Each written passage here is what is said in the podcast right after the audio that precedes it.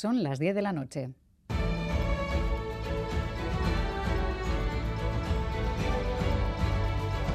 Radio Euskadi y Radio Vitoria. Servicios informativos. Repasamos los titulares de la jornada con John Fernández Mur, Gabón. Gabón, Miriam, noticias de este viernes 10 de marzo en el que comenzamos hablando de la reforma de las pensiones. Los pensionistas podrán elegir entre dos periodos de cotización, el actual que contempla 25 años o uno nuevo que contemplará 29 años y del que se podrán excluir los dos años de peor cotización. Esta opción se desplegará progresivamente durante 12 años a partir de 2026 y beneficiará a aquellas personas que hayan tenido carreras profesionales irregulares. Josu Ferreiro, catedrático de Economía Aplicada de la UPV-EHU aquí en Gambara. Pues sobre todo aquellos trabajadores que tienen carreras laborales irregulares, es decir, aquellas personas que por diversas circunstancias, por ejemplo, porque pasan periodos largos en desempleo, porque, por ejemplo, es el caso sobre todo de las mujeres que eh, abandonan temporalmente el mercado de trabajo para atender a familiares o a personas dependientes, a estas personas les beneficia porque amplía el, periodo de cobertura de años y, por tanto, pueden disponer de una, eh, de una mayor pensión.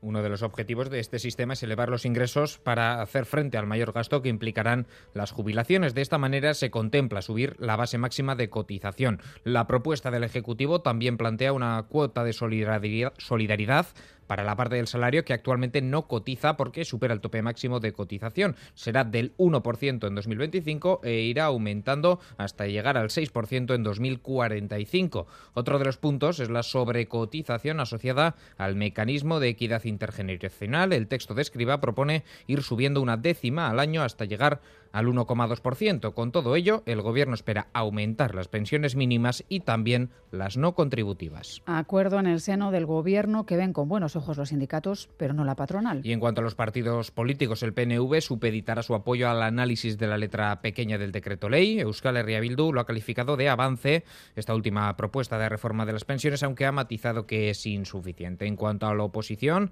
el PP abre la puerta a no oponerse si tiene el visto bueno de Bruselas, aunque le ve muchos peros a la propuesta de Escriba. Juan Bravo, vicesecretario de Economía de los Populares. Parece que lo que va a llevar es un incremento de las cotizaciones, o sea, un impuesto más al trabajo, cuando ya somos poco competitivos, cuando tenemos las cotizaciones más altas de la media de la OCDE.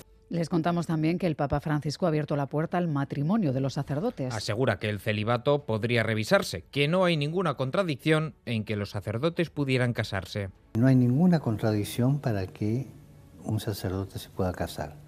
El celibato en la Iglesia Occidental es una prescripción temporal. Y ha puesto como ejemplo a la Iglesia Oriental. Asimismo, el Papa ha reconocido que en ocasiones el celibato puede llevarles al machismo. El coordinador del Foro Social Permanente ha hecho balance de sus años de actividad aquí, en Gambara. Agus Hernán asegura cerrar este capítulo muy satisfecho.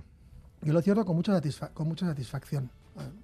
soy, yo creo que eh, el haber podido aportar un pequeño granito de arena a que este país esté mucho mejor que cuando empezamos en el foro, social, te genera una enorme, una enorme satisfacción. Haber conocido a muchas personas que han aportado en este proceso y haber sido testigo de cómo eh, se puede construir desde el 3% los acuerdos. Familiares de asesinatos sin resolver han recibido hoy el homenaje del gobierno vasco. Sí, familiares de 11 víctimas han recogido cuadernos de memoria y reconocimiento elaborados por la Dirección de Derechos Humanos del gobierno vasco. Los entregaba la consejera de Justicia que pedía perdón porque la sociedad y las instituciones no supieron siempre estar cerca y acompañar a las víctimas cuando más lo necesitaban. Nerea Melgosa. Os habían arrebatado a vuestro ser querido. Vuestra vida dejó de tener el mismo sentido y en muchos casos lo tuvisteis que hacer en soledad. Barcatu.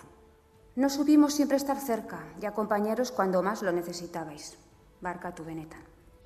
Tres personas han fallecido en un accidente de tráfico en Lleida, dos de ellos vecinos de Legazpi. Se trata de Andoni Zabaleta e Igor Iñurrategui. La noticia ha conmocionado a la localidad del Alto Urola, donde eran muy conocidos. Coldoviquio, la vide alcaldesa de Legazpi. Eh, ha supuesto una conmoción muy fuerte para Legazpi porque bueno, pues eran eh, dos personas muy conocidas y activas eh, porque organizaban muchas actividades culturales. momentos así son muy dolorosos, sobre todo para sus familias. en estos momentos cuesta encontrar las palabras de consuelo Con esta triste noticia terminamos. Más noticias en una hora y en todo momento en itv.eus y en la aplicación ITV Albisteac. Gero arte.